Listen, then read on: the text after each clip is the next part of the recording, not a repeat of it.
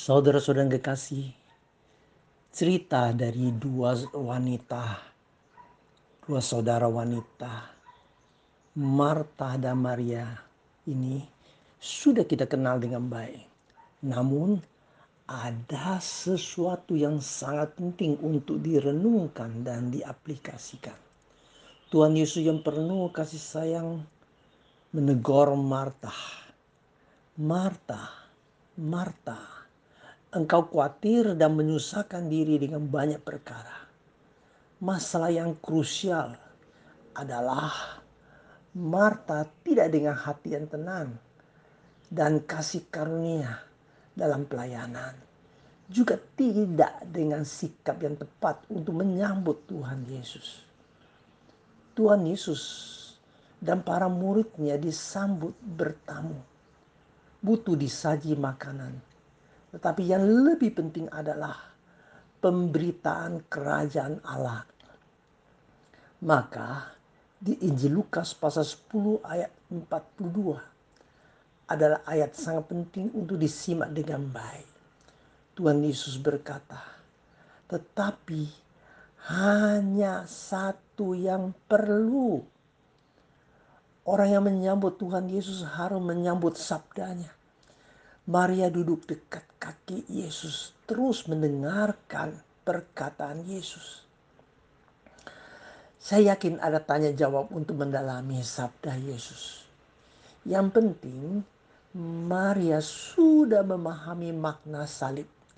Terharu dengan betapa ajaibnya kasih Allah yang dinyatakan melalui Yesus Kristus. Hatinya tidak lagi hampa, Jiwanya tidak lagi terbelenggu dosa. Satu hal yang paling perlu sudah didapatinya. Buktinya ketika disindir dan dihina tetap tenang karena mau memaafkan.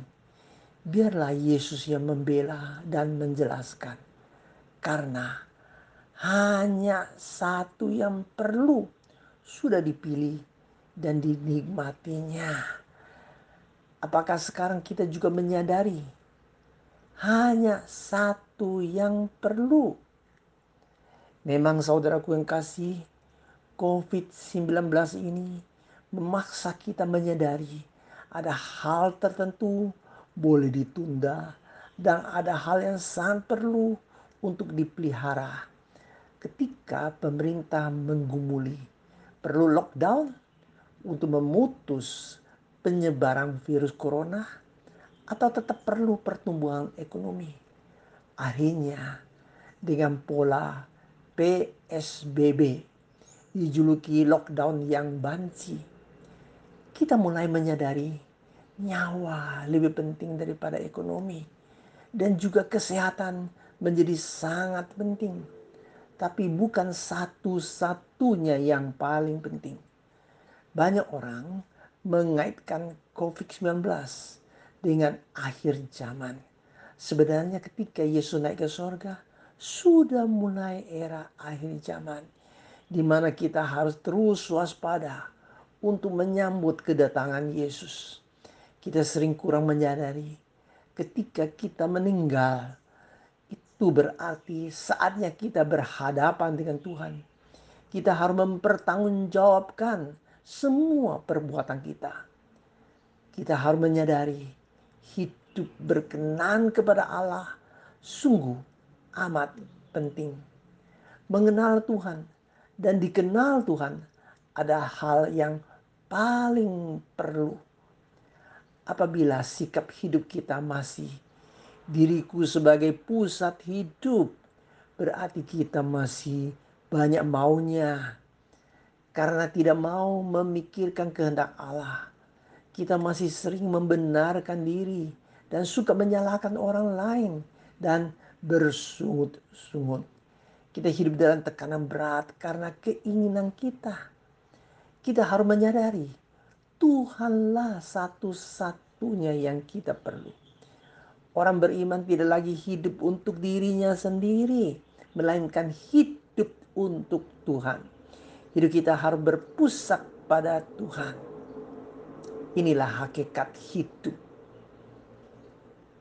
Orang yang hidupnya berpusat kepada Tuhan pasti karena menyadari kasih Tuhan yang sangat besar dan ajaib.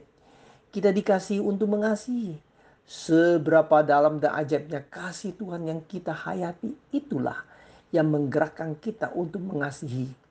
Maria kemudian hari rela mempersembahkan minyak narwastu yang sangat mahal untuk mengurapi Yesus. Dan Yesus mengatakan hal ini untuk hari penguburannya. Maria memahami Yesus bersedia berkorban untuk menyelamatkan umat manusia sehingga ia pun bersedia berkorban untuk memuliakan Yesus. Hanya satu yang perlu yaitu kita sangat perlu Tuhan sendiri. Tuhan Yesus yang naik ke sorga digantikan penolong yang lain. Yaitu roh kudus yang sama-sama Allah. Untuk beserta kita. Roh kudus mau menyertai kita. Bahkan mau memenuhi kita. Roh kudus mau menginsyafkan kita. Sehingga kita menjadi ciptaan baru. Dikasihi untuk mengasihi. Mengasihi dengan sepenuh hati dan sepenuh jiwa. Amin.